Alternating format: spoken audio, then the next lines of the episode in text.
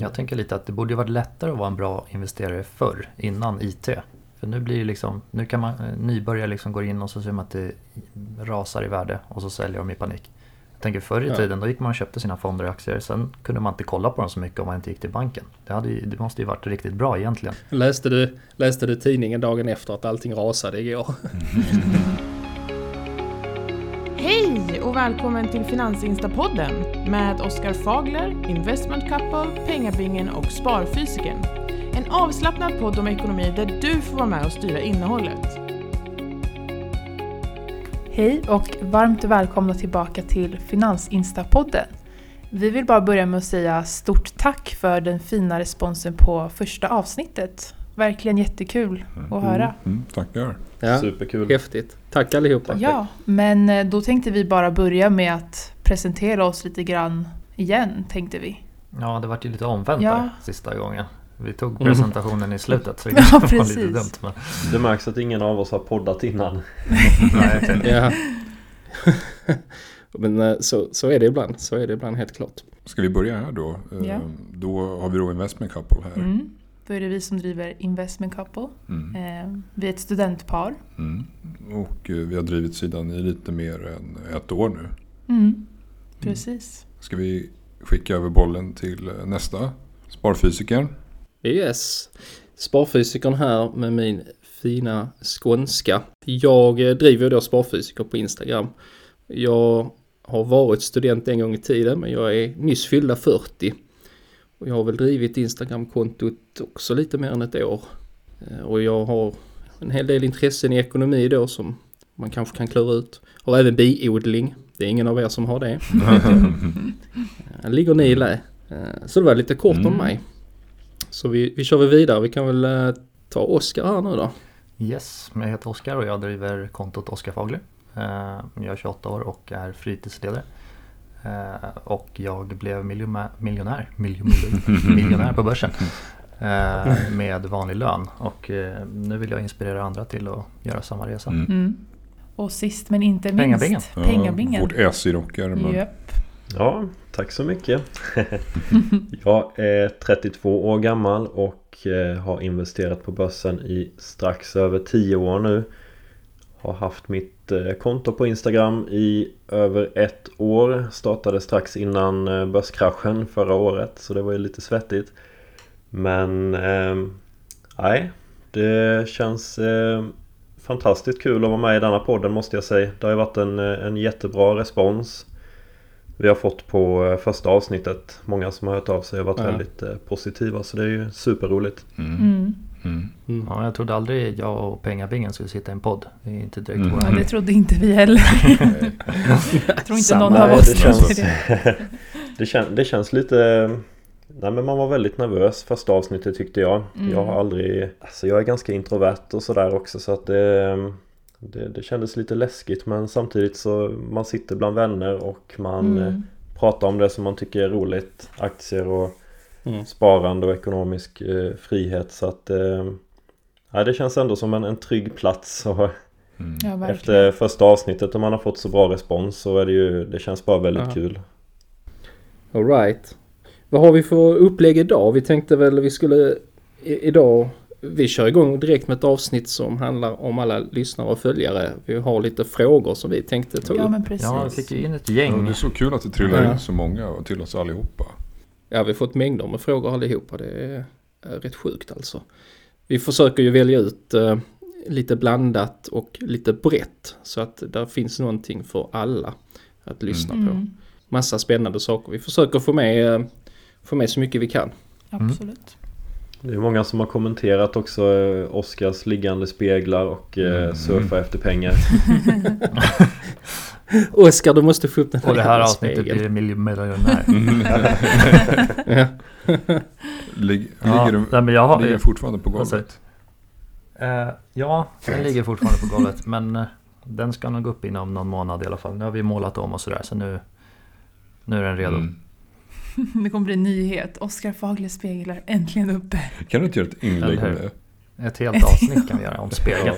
Hur jag monterar den. Ja, jag. Nej men jag har, jag har samlat ihop lite eh, följarfrågor här. Jag tänkte Mm. vi kan ju dra några stycken. Mm. Se hur, hur ni Mm, tänker. Eh, Den första är då, vilka är era tre största innehav? Vill Investment Couple börja med Oj. den? Oj. Ja, vi gick ju häromdagen ut med vårt nya största innehav. Mm. Eh, Och ja, Ja. vi har ju egentligen tre stora innehav som vi väger lite tyngre i. Då är det ju Opti som vi numera har som största innehav. Vilket är väldigt kul. Och sen så har vi Bitcoin och till sist då Tesla. Mm. Så det är tre, eller två högspekulativa tillgångar. Mm. Eh, och, Opti då som största innehav som en bred bas eh, som egentligen är vårt absolut mest långsiktiga innehav Mm. eh, som vi planerar att hålla. Inte ens i 10 eller 20 år utan ännu längre än så. Vi vill ha en stabil grund och vi är helt, eh, nej men vi, vi, vi är helt nöjda med den, liksom, eh, med, med den investeringen som vi har haft där sen Mm. i somras. Så vi liksom bestämde att det här får nu vara basen i vår portfölj. Precis. Eh, Så. Men tidigare så var ju bitcoin störst. Och det var inte för att vi gick in med jättemycket pengar i bitcoin. Utan, Utan det är för att Ja. det har ökat extremt mycket sen i höstas. mm, precis. Mm. Eh, Så skickar vi bollen vidare till eh, Oskar. Och eh, låt Mm, oss gissa ja. där. Ja, det behöver vi inte säga första så jag går direkt på andra. Nej, jag ska... Nej men största innehavet är Tesla.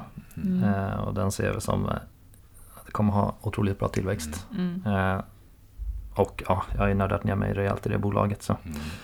Eh, och andra är, ska vi se så jag inte ljuger, Bitcoin tror jag. Mm. Eh, och eh, det är samma där. Det jag har inte köpt för jättemycket utan den har ju ökat Mm. väldigt mycket Mm. också. Eh, och den är ju ja, den näst största då. Mm. Och tredje är Amazon. Mm. Eh, som jag ser som en mer stabil pjäs i Jag portföljen. visste inte att Amazon var din tredje största Mm, faktiskt. Men det, det måste ju ha skett senaste Intressant. veckorna eller Ja. månaderna i alla fall. Ja, men jag har ökat ganska mycket i Amazon Mm. faktiskt. Mm. Jag tycker den, den, bolaget har presterat sjukt bra. Mm. Men kursen har legat platt i, vad är det, nio månader eller någonting.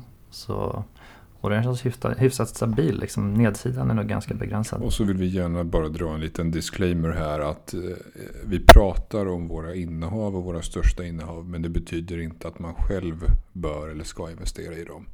Mycket bra. Mm. Jag tänkte på det Oskar. Eh, hur stor procent av din, dina totala aktieportfölj har du i Tesla? Mm, det är väl runt 25-30% tror jag. Mm, mm. Men jag har ju sagt stopp nu vid 200 aktier här så jag ska köpa nio till och sen är det ingen mer Tesla. För då kommer den äta upp hela portföljen. Men eh, nej, då ska jag börja öka annat och Amazon har ju varit den sist, senaste där Mm. som jag vill ha upp lite för den, ja, det känns bra. Mm. Handelförbud. Ja, Mm. men det är många som inte tror mig. Jag får många DMs. Ja, 200, tjena, stopp där va. Mm. Mm. Det är lätt att bli lite trigger happy. Mm. Nej men två, jag ska hålla mig. 200 där är stopp.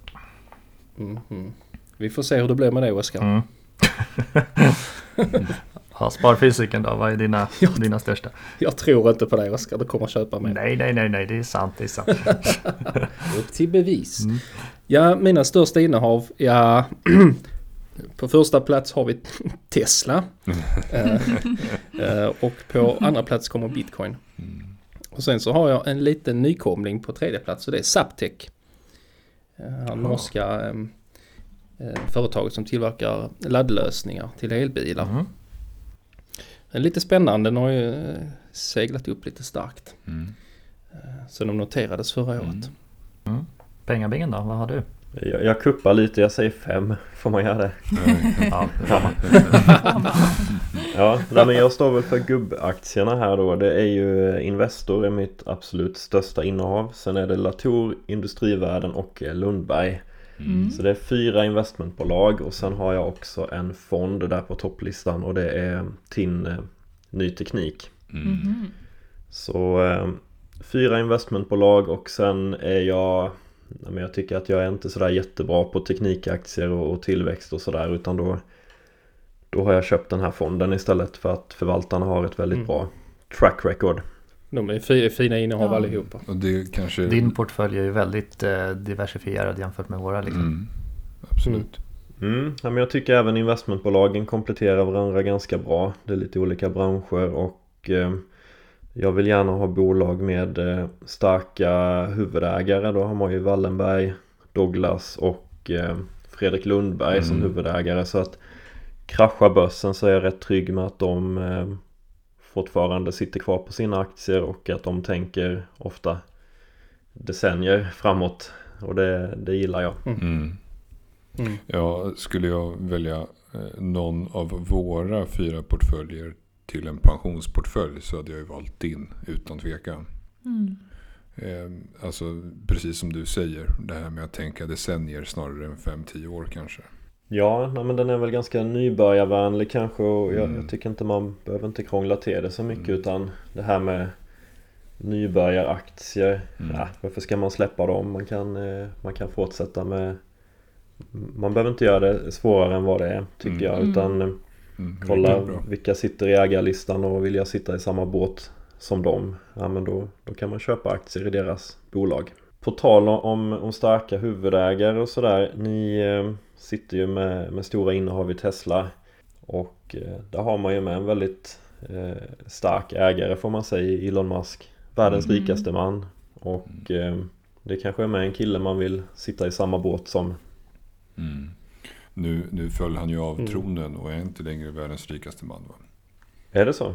Jag, jag är ganska säker på att Jeff Jag har gått om har honom. gått om honom. Mhm. Ja, jag tror han trillar ner på andra plats igen. Oskar sitter i samma båt som båda då Mm, ja, precis. precis. Bra gäng Ska vi köra nästa fråga då? Ja, då är det investera eller amortera. Ah, ja, Mm. den är, den är lurig. Mm. Jag själv kör ju på max investera, minimum amortera. Eh, Mm. Och min tanke är ju Man att inflationen äter lite av lånet varje år och alla pengar jag lägger in på börsen växer varje år. Med amortera så antar jag att eh, personen menar då på bolån. Ja, precis. På bolån Ja. om man då ska amortera av lånet eller om man istället ska minska amorteringen och öka investeringen. Mm. Men Sparfysiken, du körde ju lite annan taktik där va? Eh, Jag har inga bolån.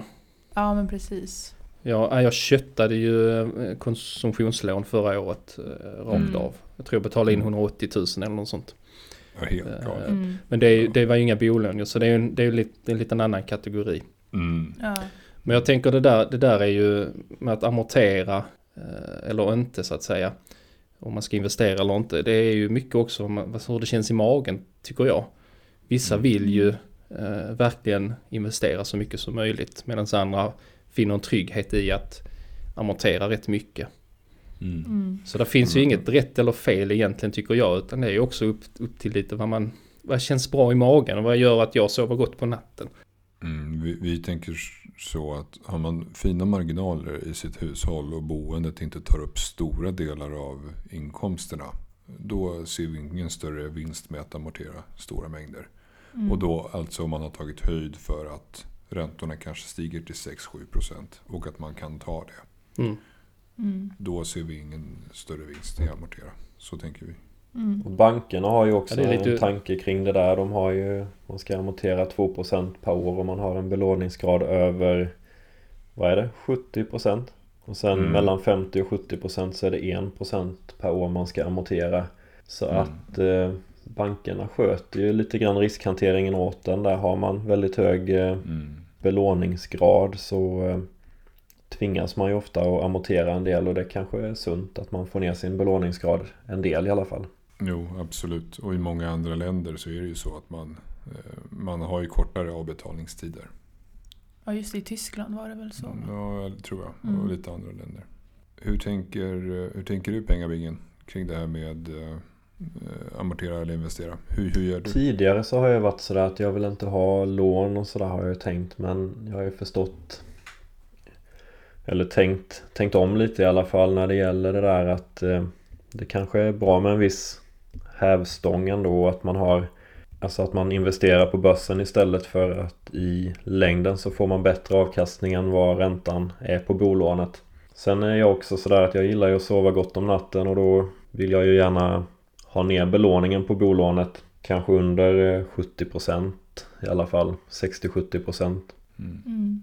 Och Det låter ju sunt. Och Ja. dit, dit kommer ju de flesta eh, efter ett tag. I och Mm. med de nya amorteringskraven. Så Ja. att det är bra att ha det som, som Mm. något man strävar efter. Yes, ska vi gå vidare till nästa fråga? Yes. All right. Mm. Eh, varför är Tesla så långt före alla andra med full self-driving? Vad är skillnaden mellan Tesla och till exempel Waymo? En fråga för Oskar. Eller Ja, jag kan försöka ge mig på den då. Eh, och det här är då som jag har förstått det så det kan ju finnas faktafel här. Men eh, det är att eh, största skillnaden är väl att Tesla har kameror och Waymo har kameror och LiDAR. Det är som en laserläsare eh, som mäter avstånd och sådär.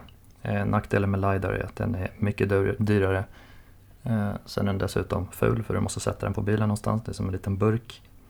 Eh, Mm. Och nackdelen med den här lösningen är att eh, den måste läsa in området först där den kör för att kunna köra där sen. Just för att de inte har tillräckligt bra programvara som Tesla har. Tesla kan du släppa till exempel. Du kan köpa den här och så sätter du bara droppar den i Kiruna. Så kan den köra hit. För att den har det, den programvaran via kameran. Den ser som en människa liksom.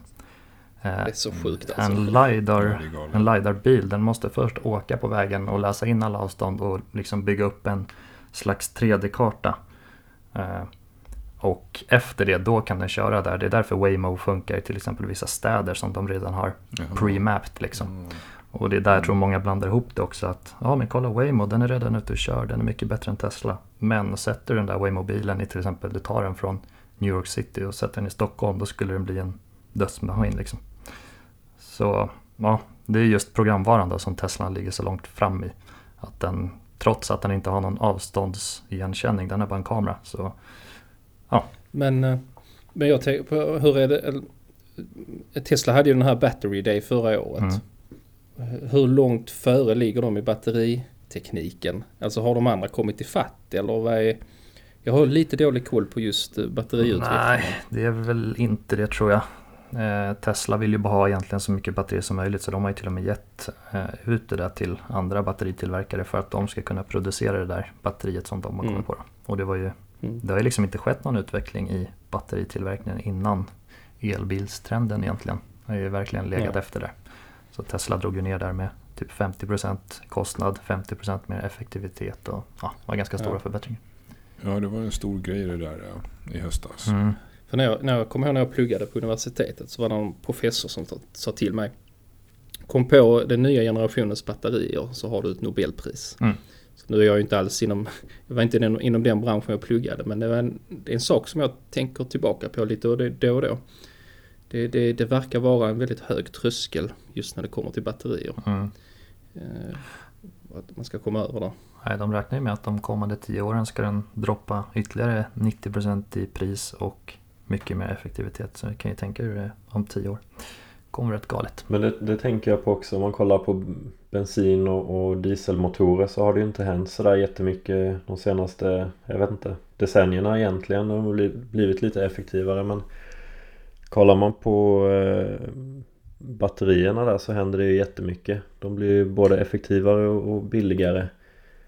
Och eh, jag tänkte på det också med eh, självkörande bilar. Är det inte en fråga också om hur mycket data man har samlat in? Tesla har ju väldigt många körda mil. Och då Ja, eh, samlar de in data från en bil så kan de lära alla andra bilar eh, till exempel om den har varit med i en krock och sådär att eh, det, det blir liksom en, en kollektiv eh, kunskapsdelning. Det är lite som eh, finans-instagram så här att ha- har jag gjort en, ett misstag på börsen så kan jag dela med mig till andra.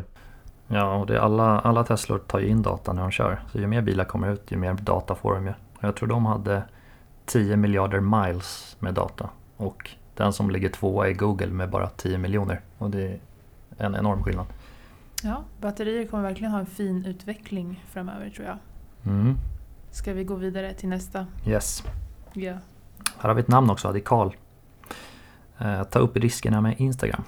Och då tror jag han syftar på ja, investeringskonton och sådär. Hur mycket man ska lita på diverse sidor och aktietips och allt sånt där som jag förstår. Mm. Mm. Alltså det är Det är ju... en bra fråga. Ja, verkligen och den är högst aktuell. Ja, alltså Mm. först och främst så tycker jag att man ska skilja, alltså man ska inte ta efter folk. Man kan låta sig inspireras. eh, Men man ska inte kopiera det folk köper. eh, rakt av utan att själv ha tittat närmare på det. Mm. Mm. Det är väl en grund, grundregel så att säga. Mm. Lita inte på någon. Det är, Nej, inte ens på oss. nej, verkligen inte. Eh, Ja men det gäller ju att man själv, alltså det är ju ändå ens pengar man går in med. Mm. Eh, Och Mm. det gäller att man har koll på vad det är man gör med sina pengar. Mm. Som med allt annat eh, man gör med sina pengar så gäller det också investeringar. Mm, och i slutändan om det går dåligt så är det ju bara det, alltså ditt ansvar egentligen. Mm. Mm. Så att, att bilda sig en bra uppfattning genom att kanske bilda sig den liksom från Instagram. Men också genom att googla runt, titta på YouTube-videor, fråga farbror eller vem som helst. Ja. Eh, Mm. Så att det finns många olika sätt att införskaffa kunskap på. Använd Mm. åtminstone tre olika sätt och försök att bilda dig en bredare uppfattning innan du fattar ett beslut. Ja. Och inte drabbas av FOMO. Fear of missing Ja. out. Att man vill hoppa på någonting man tror det är snabba Ja. cash. Eh, Ja, det är farligt och, och det här med FOMO, det kommer alltid finnas och du missar ingenting. Eh, Mm. Det, det enda som händer är att du kanske missar en aktie men det finns ju en annan aktie eller en annan fond eller något annat som kommer gå lika bra nästa år eller samma år. Så att, Mm. eh, det finns alltid andra alternativa investeringar som är minst lika bra. Mm. Kom ihåg det. Men just det här med sociala medier tycker jag också är Alltså det är så ändå häftigt att man kan inspirera så mycket. Mm. Och att man kan diskutera med andra som har samma intressen Mm. och så vidare. Och sen såklart så ska man göra sin egna research och, Mm. och sådär. Mm, Alltså Ja. vi, vi, jag kommer ihåg att vi kollade ju ibland på Instagram, Mm. eh, lite utländska sidor och så. Och på YouTube och så redan för två, nästan tre år sedan nu. Och redan då fick vi jättefin inspiration. Men tog inte riktigt tag i sparandet. Mm. Så att, Mm. så att eh, våga följa eh, Instagram, börsinfluencers som det heter. Men ta, ta, lite, ta det lite med en nypa salt och bilda din egen uppfattning. Jag tycker också om man kollar på hur man gjorde kanske för 20-30 år sedan. Då gick man till sin bank och så frågade man vilken fond ska jag sätta mina pengar i? Och då föreslog banken sin egen fond. Så jag menar, folk kanske lyssnade mer på, på banktjänstemannen på den tiden och jag tror ändå att folk har blivit mer eh, källkritiska idag. Man tar in information Ja, från, från fler håll. Det är lättare att påverkas idag också för att det, det finns så mycket brus överallt egentligen.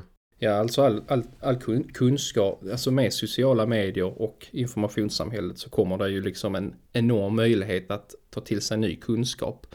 Men det följer ju också med ett ansvar att vara källkritisk och att lära sig sätta upp ett filter. Och det är inte bara, det gäller ju inte bara finans och börs-instagram. Utan det, det är ju så inom allt träning och, och hälsa och matlagning och in, alltså inredning och så här. Man, man, eh, man får lära sig sätta upp lite Men Jag gränser. tänker man, man får ju massa tips överallt eh, om aktier och sådär. Mm. Och jag kanske läser om 20-30 olika aktier och sen brukar jag ändå, jag låter det gå några dagar, kanske någon vecka och verkligen tänker till innan jag köper någonting. Och sen kanske det blir att jag köper fler aktier i Investor ändå till slut. Ja. Jag tänker lite att det borde ju varit lättare att vara en bra investerare förr, innan IT. För nu blir det liksom, nu kan man, nybörjare liksom går in och så ser man att det rasar i värde och så säljer de i panik. Tänker förr i Ja. tiden, då gick man och köpte sina fonder och aktier. Sen kunde man inte kolla på dem så mycket om man inte gick till banken. Det, hade, ju- det måste ju varit riktigt bra egentligen. Läste, du, läste du tidningen dagen efter att allting rasade igår? Så Ja, eller hur? jag inte värda ett skit. vet, vet ni vad som hade varit sjukt, sjukt intressant tror jag? Om vi hade haft en gäst längre fram som har några år på nacken och som investerade innan vi levde i det här Mm. informationssamhället med sociala medier. Innan Investment Couple typ. föddes. Innan, innan jag föddes Det, det, på 80-talet. Men Det måste nej, det varit som- häftigt. de, men då kanske de har så här minnen i svartvitt också. Mm. Har man inte det där? Mm. Jo, det. det tror jag. Eller så är det sepia eller någonting. Så där, kan- så där kan Ja. du inte säga, bara fysiken har faktiskt svartvita Nej, minnen. jag vet. Mm. Jag har ju lyssnat på en podd med han eh, J.L. Collins. Eh, han har skrivit boken Mm. The Simple Path to Wealth. Han investerar bara i indexfonder med låg avgift nu. Men han berättar Mm. om att eh, 1987, svarta måndagen hette det va? Börsen Ja. gick ner med, vad kan det varit? 20% eller något sånt där på en dag. Eh, han läste det i tidningen dagen efter då. Men eh, han hade ringt till sin bankman tror jag samma dag som det föll. Och eh, frågat så här, ja, hur är läget? Eh, Är det bra med dig och sånt? Och han bara Du skämtar va? Bankmannen visste ju att det hade gått ner jättemycket men eh, det var ingen annan som visste det kanske för det, de andra skulle ju läsa det i morgondagens tidning. Ja, nu får man ju uppdatering liksom med några sekunders På mellanrum. gott och ont. Ja, På tal på om eh, börsras kan ta in nästa fråga här. Har ju lite med det att göra. Mm. Eh, Mm. Hur ser ni på att försöka tajma marknaden? Jag tänkte att man ska skilja på att tajma marknaden. Ja, det, det, här, det här är någonting som har dykt upp ofta och jag tror är viktigt att tänka på. Det är ju skillnad på att försöka tajma marknaden och att köpa in sig när eh, det är lite billigare.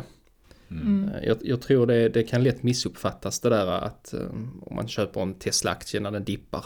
Att man försöker tajma men det, det, är, det är skillnad på det där. Då passar man på att köpa när det är billigt. Ja, för, oss, eh, för oss innebär tajma marknaden att man står utanför med majoriteten av sin kassa. Mm. Och sen så väntar på dipp och så köper man och så säljer man när det är dyrt. Ehm, Men, men det här med att tajma marknaden. ehm, Det vi tänker på är att man kan ju ha en kassa på kanske 10, 20, 30 procent av sitt kapital. Eh, Många brukar kalla det för torrt krut eller krigskassa. Som det Ja, heter. det. Mm. Ehm, Och, då kan man ha det att liksom peta in ibland i vissa bolag som man kanske tror ehm, eh, kan vara bra i, framtiden. Och så köper lite i dipparna och så. Eh, hi- historiskt har man ju sett att statistiskt så är det bäst att alltid vara fullt investerad. Men det finns av olika skäl anledningar för folk att ha pengarna utanför börsen. Några kanske har det till, ett, till att finansiera ett framtida bilköp, eh, framtida boende, renoveringar eller vad som helst.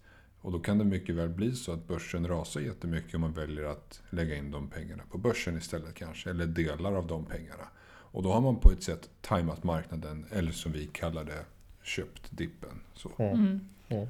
Mm. Ja, men där har ju också långsiktighet Mm. en viktig, det är en viktig faktor där också. Mm. Nej, jag kör, ju, Mm. jag kör ju på fullt investerad hela tiden. Mm. Men då har jag ju inte plan- några större planerade köp i närtid heller.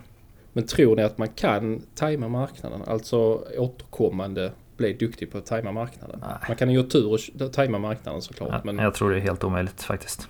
ja, Ja, jag tror också ja, det. jag håller med dig Det Oskar. finns ett bra citat som går eh, Time in the market beats timing the market. Och eh, jag vet att Warren Buffett har sagt också att eh, om man kollar på en lång börsgraf på kanske 50 år på S&P 500 som är ett amerikanskt index så ser man att grafen går uppåt i stort sett hela tiden. De här börskrascherna som kan kännas rejäla då när de väl händer de ser ut som små hack i den här grafen. Och att då försöka hoppa Ja. av och sitta med kassa istället för att bara göra det enkla egentligen och, och vara investerad hela tiden. Det känns ganska irrationellt egentligen. Mm. Där slinker nästa fråga in. Hur agerade vi under raset? Och då antar jag att de syftar på coronadippen där. Jaha, så länge sedan. Ja, corona. Ja, eller tech. Oj, ja. Det beror på. Under raset. Mm. Jag investerar ju inte. Jag, jag hade faktiskt en del eh, fonder och några aktier som jag sålde av strax innan raset. Det var ren, det var ren tur. Eh, jag skulle använda de pengarna till att betala av lån. Mm. Eh, Men så att jag hade inga pengar på börsen när det rasade. Hur kändes det? Kändes det bra att det rasade då i och med att du inte hade några pengar där? Både ja och nej. Det var ju skönt att använda pengar till att betala av lån. Vilket jag tycker att man ska göra. Har man konsumtionslån så tycker jag att man ska göra sig av med dem först. Ehm, nu hade jag ju en del pengar i fonder där så att eh, jag sålde ju av dem. Uh, det kändes ju bra såklart. Men jag hade ju önskat att jag hade gått in där på, på botten såklart. Som alla andra eh, hade önskat. Ja, Men ja. under coronakraschen hade vi väldigt mycket likvider Mm. som vi inte riktigt gick in med så. Ja, vi hade ju en 700 000 ungefär. Mm. Eh, pengar som vi egentligen tänkte är vattenmärkta till att i framtiden köpa boende, bil och lite sånt där. Eh, så att vi gick egentligen, vi fortsatte med vårt vanliga månadssparande, några tusen lappar per månad. Mm. Eh, men under dippen blev det eh, kanske en 20-30 000 totalt under hela dippen. Som vi gick in med lite extra. Ja. Eh, Så att det var inte något jätteköp vi gjorde. Nej. Men med facit i hand så hade det ju det varit det bästa vi hade kunnat göra. Ja, Så är det ju med samtidigt allting var det väldigt läskigt då. Ja. Där och Ja, då, liksom. Precis. Man- man vet ju inte. Man Nej. vet ju inte. Det är ju Och helt omöjligt att veta. Så är det ju. Det är läskigt att köpa Mm. när det går ner. Men, Mm. men historiskt så lönar det sig. Mm. Mm. Hur gjorde pengabingen då? Jag sitter ju fullinvesterad eh, i stort sett hela tiden så att jag hade ju inte så mycket pengar mer att stoppa in. Men jag sålde inte en enda aktie i alla fall utan jag lyckades hålla mig lugn och eh, den lilla kassa jag hade där fyllde jag på i eh, Investor. Jag köpte lite i Alphabet. Eh, jag tänkte som så att de satt med en kassa på 100 miljarder dollar ungefär och skulle den kursen gå ner ännu mer så skulle de kunna köpa tillbaka egna aktier så att jag satsade på, på stora stabila bolag och jag tror att man man kanske tänker till när börsen kraschar eh, vilka aktier det egentligen är man vill äga. Det är ju ingen konst Mm. att, Ja. det är ingen konst egentligen att investera nu när börsen har gått upp i ett helt år i sträck här utan eh, det är först i nästa krasch kanske som man tänker till och egentligen bör man ju tänka till innan.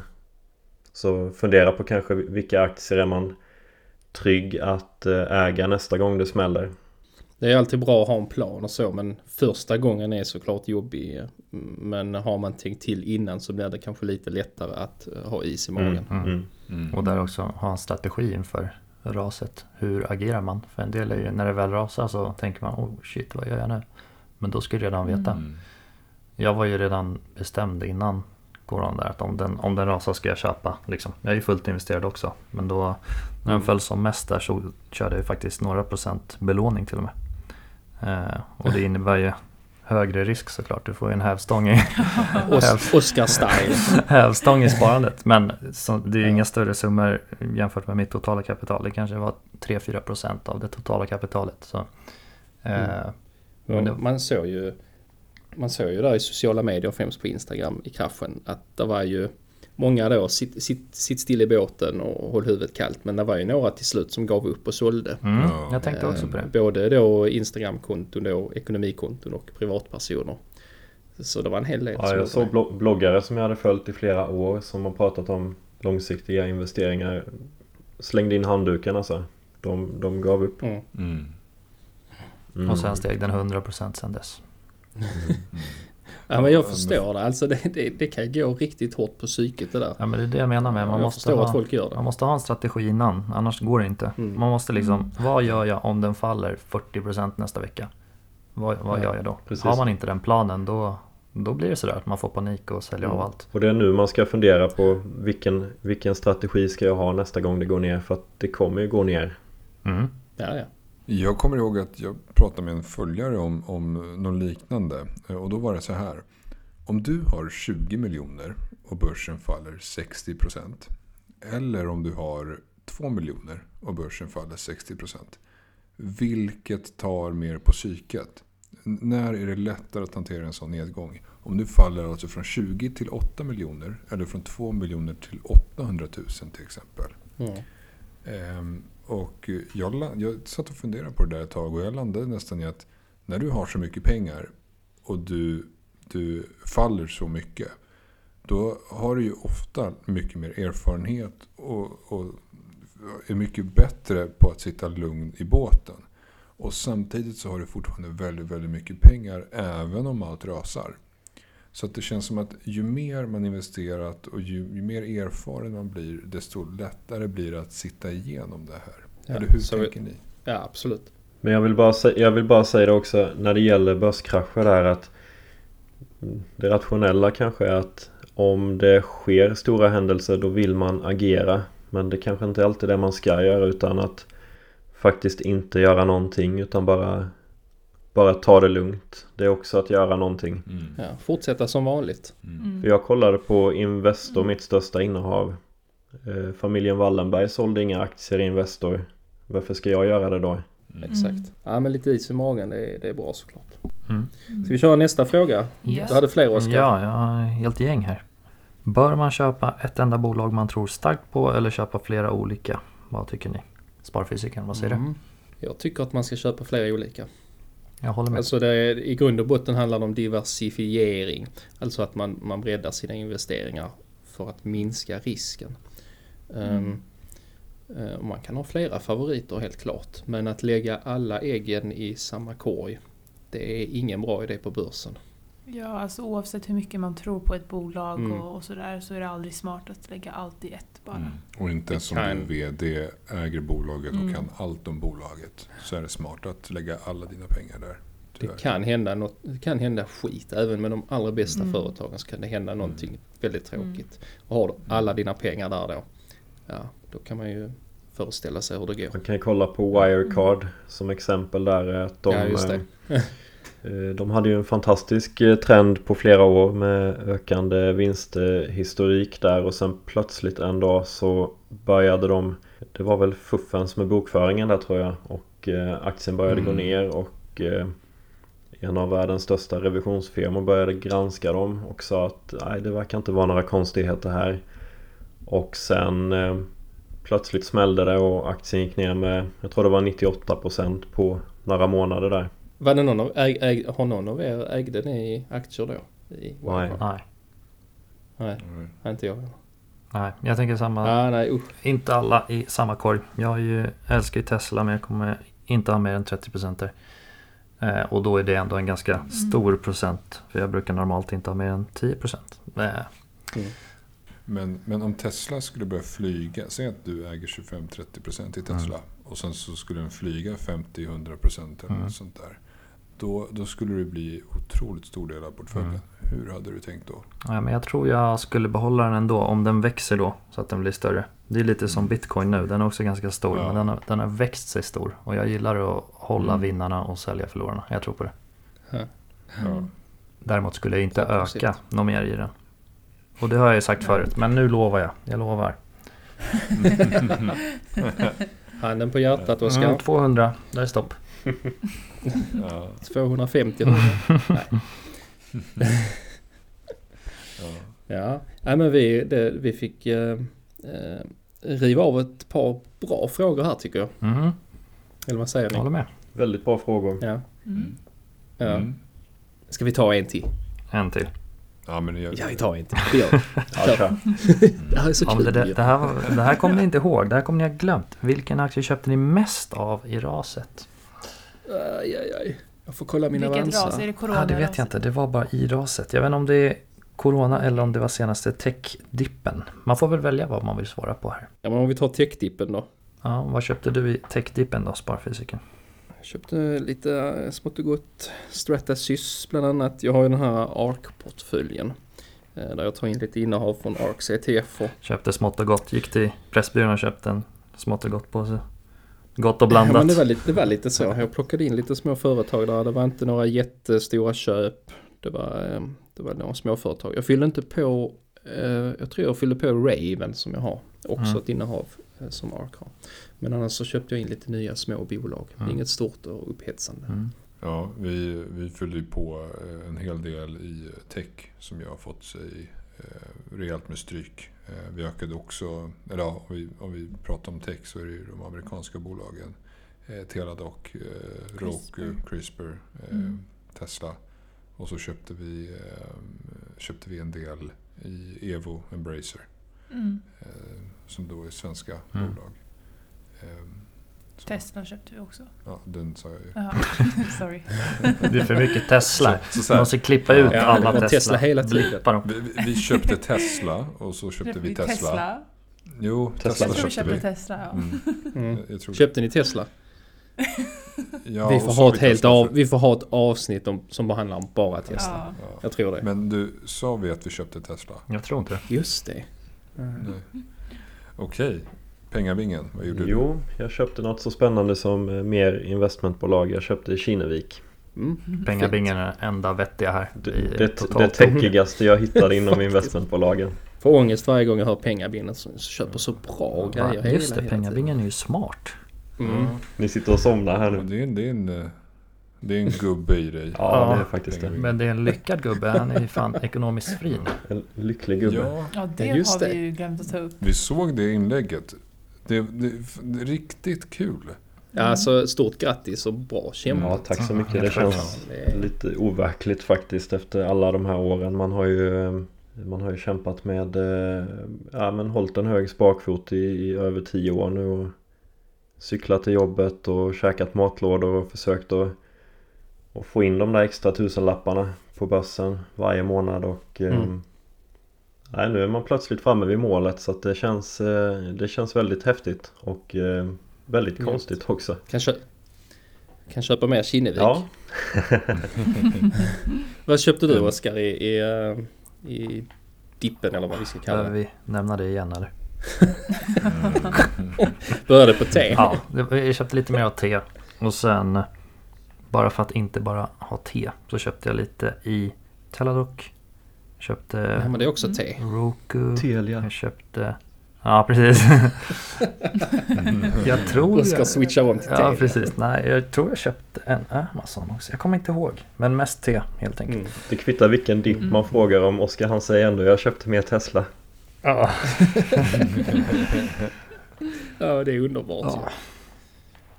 Aha, men du är, ju, du är ju väl insatt i det också. Det är liksom, Ja. det, det, är inte, det är inte något random köp du gör utan det är ju liksom... Det är, riktigt, det är riktigt kul att se. Eh, Ja. Det är väldigt kul att se och följa. Eh, Mm. Man, man är inte lika tung i Tesla men, eh, som du. Men det är, det, det är kul att se när någon har convictions eh, stocks. Eller Mm. som man ska, vad man ska kalla det. När man, när Mm. man tror på ett bolag och verkligen kan Vad var det för verkligen- riktkurs de satte nu då? ARK? Nej, just det. 3000. Cathy Wood satte ju rätt 3000 dollar. 2025. Vilket år sa du? 20? 2025.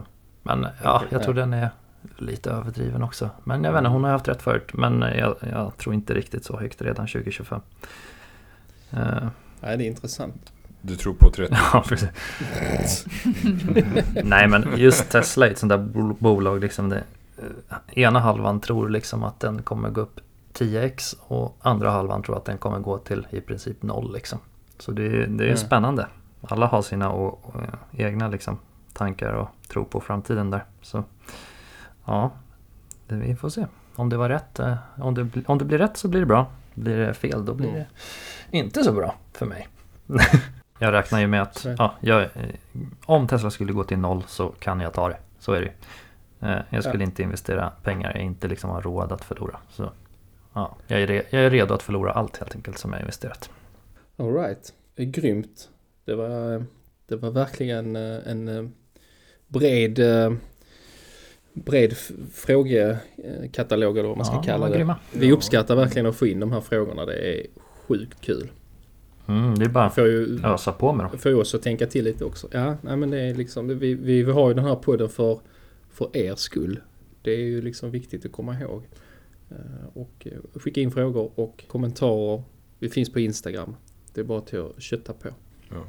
Ni- kan antingen fråga oss i frågestunderna eller i DM eller till och med i kommentarsfälten. Ja. Vi plockar frågor. Mm. Fritt fram och ställa frågor så ser vi om vi tar med dem. Mm. Ja. Helt klart. Ja, och eh, fortsätt att eh, lyssna på podden. Riktigt kul eh, också att höra er feedback om podden. Mm, Mm. det är faktiskt grymt. Det är det, som kan göra, mm, det är det som kan göra att vi kan prestera bättre framöver. Mm. Vi, vi tar till oss det ni säger och vi vill att podden ska vara för er, inte för oss. Mm, och som vi sa i början där, vi är ju inga poddar egentligen så all, all ris och ros är ju grymt bra. Ja. Mm. Mm. Jo men så, så är det ju. Och eh, nej men det är förbaskat kul att sitta här med er och eh, få prata om det som är liksom varmt och ligger er nära om hjärtat. Det är, Mm. det är härligt. Men vi rundar av där för idag. Yes. Ehm, och stort tack till alla lyssnare, stort tack till alla följare på Instagram och stort tack till gänget här. Tack själv. Ehm, Tack så mycket. Ja, Tack själv. skitbra jobbat tycker jag. Ni får ha det så bra allihop. Ha det bra. Bra. bra. Hej då! Hej.